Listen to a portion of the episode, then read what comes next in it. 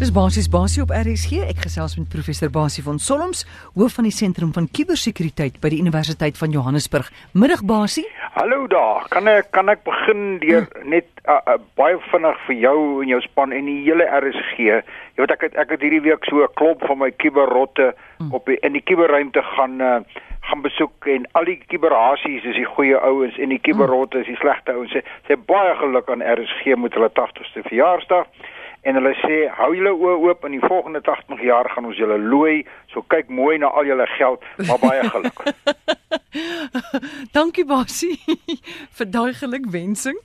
Hoorie, verlede week was nou die groot likasie en 30 miljoen Suid-Afrikaners is bekommerd geweest oor hulle private inligting. Mense is nog maar baie skepties oor die hele storie. Het jy vir ons 'n paar wenke?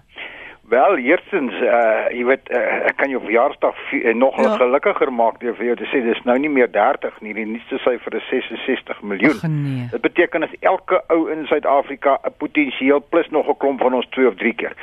Um ek dink eerstens, uh ek is redelik baie seker dat die die daar word goeie vordering gemaak om agter die mense te kom wat dit gedoen het. Maar ek het baie e-posse gekry. Dis wat ek baie bly is dat jy ons die geleentheid gee om net weer bietjie te praat met mense. Baie mense wil by my weet is my e-posse. As my e-pos dis nou ge, ge, ge, gelek is en hy verskyn op hierdie webwerf waar ek hom geto, ge, ge, getoets het. Hmm. Is my e-posse self wat onder daai e-pos gestuur is, is dit ook 'n gevaar? En ek dink daar kan 'n mens sê kategories nee die e-posse wat onder daai e-pos gestuur is al is hy nog hoe aktief al gebruik jy hom elke dag het niks te doen met die lek nie. Al wat op daai data lê is jou e-posadres soos wat jou huisadres en wat ook al is. So niemand almal weet wat nou wat jou e-posadres is dit is waar. Maar almal weet in elk geval want as jy vir my e-posadres stuur dan weet ek wat jou adres. So dis nie so sensitief nie. Luisteraars moet daaroor nie regtig bekommerd wees nie die bekommernis wat baie mense ook vir my vra. Skus gou basie, ja. moet ek die wagwoord verander van daai e-pos? Ja, ek dink dis dis die eerste ding. Dis wat ek ja. almal ge, geadviseer het. Verander die wagwoord. Al is dit 'n e-pos wat jy 10 jaar gelede ge, gebruik het. Die probleem is net as dit 'n baie oue is, mm. om jou wagwoord te verander, moet jy moet jy vir die stelsel sê wat was die wagwoord gewees? En as hy 10 jaar oud is, gaan jy nie weet nie. So ek sal my nie daaroor bekommer nie, maar as dit een is wat wat aktueel is, wat werklik is wat wat nog elke dag gebruik word, dan sou ek lankal al verlede week al die wagwoord verander het, maar ek sou nie daaroor te veel bekommerd wees nie. Ek sal net bekommerd hmm. wees soos wat ons gesê het dat mense die daai e-pos adres saam met die ander inligting kan gebruik. En dat ek net ook nog 'n ding sê want ek het gaan kyk na 'n verklaring wat die valke gemaak het daaroor. Uh iemand by die valke. Die hierdie data kom van 'n maatskappy af wat data bymekaar maak. Jy sien en, en ek dink daaroor kan ons as luisteraars ook maar 'n bietjie dink. Ons dink altyd ons ID-nommers wat ons in Suid-Afrika het is fantasties. Jy weet jy's uniek. Mm. Jy jy jy's uniek. Maar dit is juis in die kuberwêreld is daai ID-nommer van ons is is eintlik die Achilles heel. Want dit beteken as ek 'n bietjie data steel, net kom ons sê van 'n rekeningkie en ek sien daar's jou ID-nommer en ek sê in jou adres is daar en ek gaan heeltemal na 'n ander plek toe en ek kry ander data en daar's jou ID-nommer en daar's jou kinders se name. En so aan. Dan kan ek hierdie data bymekaar sit en dit is wat hierdie maatskappy gedoen het. Hier van 2014 en vroeër af het hy sulke data stukkies en, en dele wat gelek is gevat en bymekaar begin sit en so 'n hele rekord van mense opgebou. En dan het hulle toe het hulle dit verkoop aan 'n ander maatskappy en dis die ander maatskappy wat dit skynbaar gelek het. So, ek en jy moet ook maar krities begin dink oor die gebruik van ons ID-nommers want dit dit lek dit dit dit, maak die geleentheid moontlik op dit skep die geleentheid om losstaande stukke inligting aan mekaar te bind want jou ID-nommer is altyd mhm. iewers in die uh, in die in die hele storie. Goed, ons nommer in die ateljee 0891104553,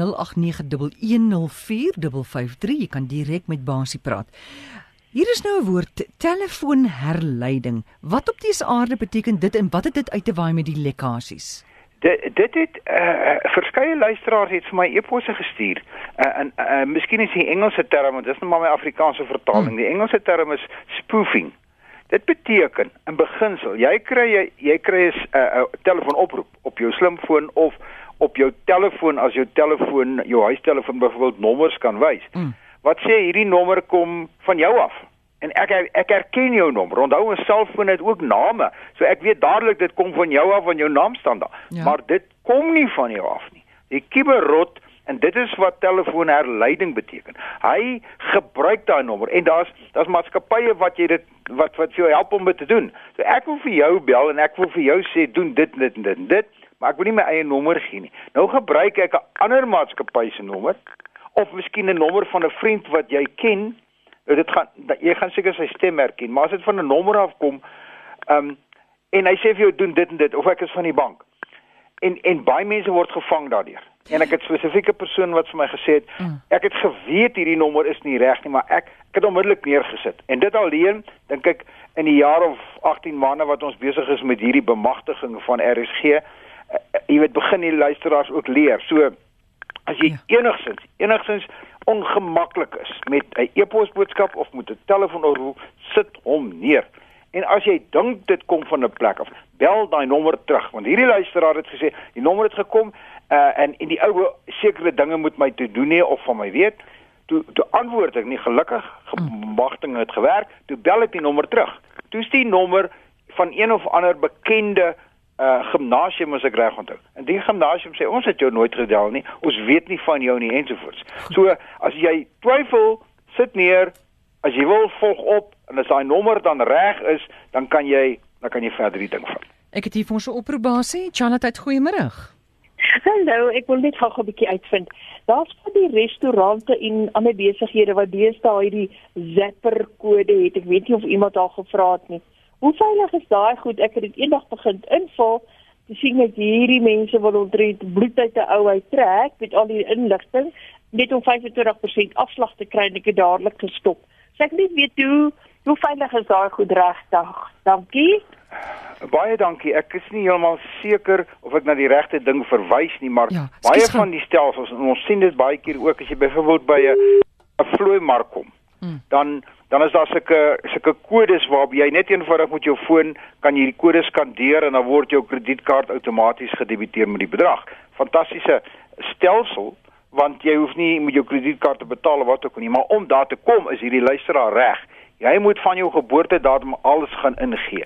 En ek doen deesdae nie meer sulke dinge nie. Ek gee nie meer inligting vir sulke goed en dan kom ek daar sonder klaar, want daai inligting is die inligting wat later weer gebruik word en en gelek word. So wees baie versigtig waar jy byvoorbeeld baie baie plekke het lojaliteitskaarte wat groot voordele is. Mm. Maar dan wil hulle weet wie was jou ma se pa se kind se oudste seun. Ja. Wat irrelevant is daarvoor. En ek dink wanneer ons wet op kubersekerheid en en kubermisdaad goedgekeur gaan word en veral die wet op die beskerming van persoonlike inligting.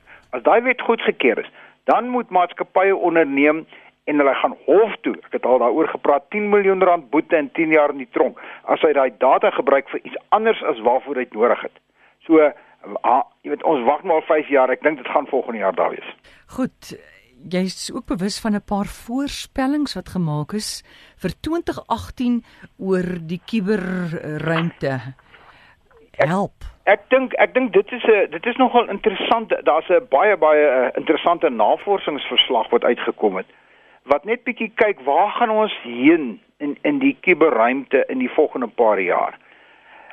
Nou die eerste ding wat ek dink vir ons baie baie interessant is, hulle sê die die koste van kubermisdaad. Met ander woorde wat die wêreld gaan verloor tot en met 2021, dis so 3, uh, 4 jaar van nou af, is 6 triljoen dollar, né? Nie miljard nie. 6 triljoen. Dit is 6000 miljard dollar maal nou amper moet 14.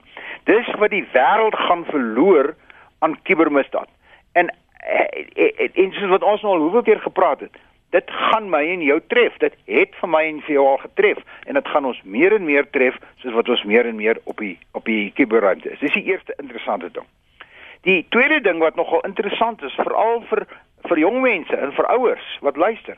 Hulle sê daar gaan teen 2021, dis 3 jaar van nou af, 3,5 miljoen mm. vakante kubersekuriteitswerksgeleenthede wees vir In 'n ander woorde die aanvraag vir kubersekuriteitskundiges is ongelooflik. En hulle sê daai 3.5 miljoen gaan nie gedek word nie. Hulle sê op die oomblik in 20, vanaf 2016 tot 2021 is en was die die die die nie dis die die die die werkloosheid syfer vir kubersekuriteitskundiges nul dwars deur die wêreld. Daar is net eenvoudig nie 'n ou met hierdie kundigheid wat nie 'n werk het nie. So, wees gereed as jy nou matriek skryf en jy sit en luister, gaan vra vir jouself af, hier is ongelooflike geleenthede. Hier gaan jy nooit nooit nooit sukkel om 'n werk te kry nie, want hierdie syfers sê dit vir jou. Goed, ons vat 'n oproep. Basie, Charlotte, goeiemôre. Goeiemôre Simon, jy doen hier wie praat nou? Dis Amore hier, is RSG ek gesels met professor Basie van Solms. Amore, my naam is Simon. Ek wil graag vir uh, Basie 'n vraag vra asseblief. Jy is meer as welkom. Basie, Simon Gewinger, ons ken mekaar van Reebok af. Ja. Ehm um, ek wil net hoor jy het nou gesê as jy 'n vreemde nommer op jou telefoon kry, bel hom terug en hoor van wie kom dit. Daar is ander mense wat sê as jy 'n vreemde nommer op jou telefoon het, moet dit nie terugbel nie want dit is wat die ouens wil hê dat jy terugbel na daai nommer dan kry hulle jou nommer en al jou inligting. Uh, wat moet 'n ou nou eintlik Baie baie goeie vraag. Ek ek het bietjie opgeglip om uh, opgeglip om dit te doen. Jy's heeltemal reg Simon. Die punt is dat baie keer as as hierdie hierdie hierdie slinkslag, hierdie kiberotjie op die manier wil vang, dan laat hy 'n nommer verskyn op jou foon waar sy sy maatjie sit. Nou hm. bel jy daai nommer terug want hy sê vir jou ons is van die maatskappy en dis ons en jy sien die nommer en jy bel hom terug maar dis sy maatjie wat daar sit. En sy maatjie sê dis vir jou ja nee alles is reg. Hierdie ou bel vir jou en die nommer behoort aan daai maatskappy. So eintlik moet mens maar baie versigtig wees en jy's heeltemal reg. Ek sou eintlik eh, my, my beleid is dwars deur die bank. As ek 'n nommer kry van 'n ou of 'n oproep kry wat ek nie gemaklik mee is nie of wat vir my alreeds 'n snaakse goed begin vra of wat ek nie gevra het nie as wat ek nie. Ek sê jammer ek het nie tyd nie ek ek, ek, ek reageer net eenvoudig nie daaroor nie. So, ja, ja, miskien is jou wenk nog beter as my wenk. Moenie eers terugskakel nie. Ignoreer net as dit werklik die bank is of dis werklik jou jou werkgewer gaan hy weer bel of hy gaan weer bel of hy gaan jou môre in 'n blik druk as jy by die werk aankom. Ja. Maar moenie moenie en en nog stouer praat. Soveel mense sê vir my, ek het hierdie e-pos gekry en ek het hom dadelik herken, want ek is nou bemagtig deur RSG as 'n vals e-pos. En ek het vir daai oue brander teruggestuur, hoor, en vir hom gesê jy moenie dink ek is onnosel nie. Ek weet jy probeer my uitvang. Jou grootste fout. Want daai ou het daai e-pos heel waarskynlik as een van 'n bondel 'n miljoen uitgestuur. Hy het nie 'n idee of daai ja. e-pos nog bestaan of hy nog lewendig is of wat ook al.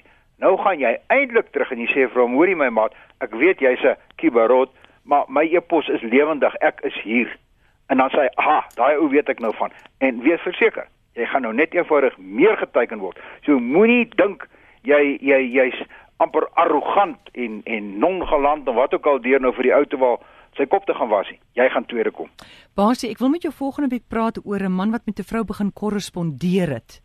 En toe sy hom begin te afpers en hy wil toe weet wat kan hy daaromtrent doen. Maar kom ons hou dit vir volgende week.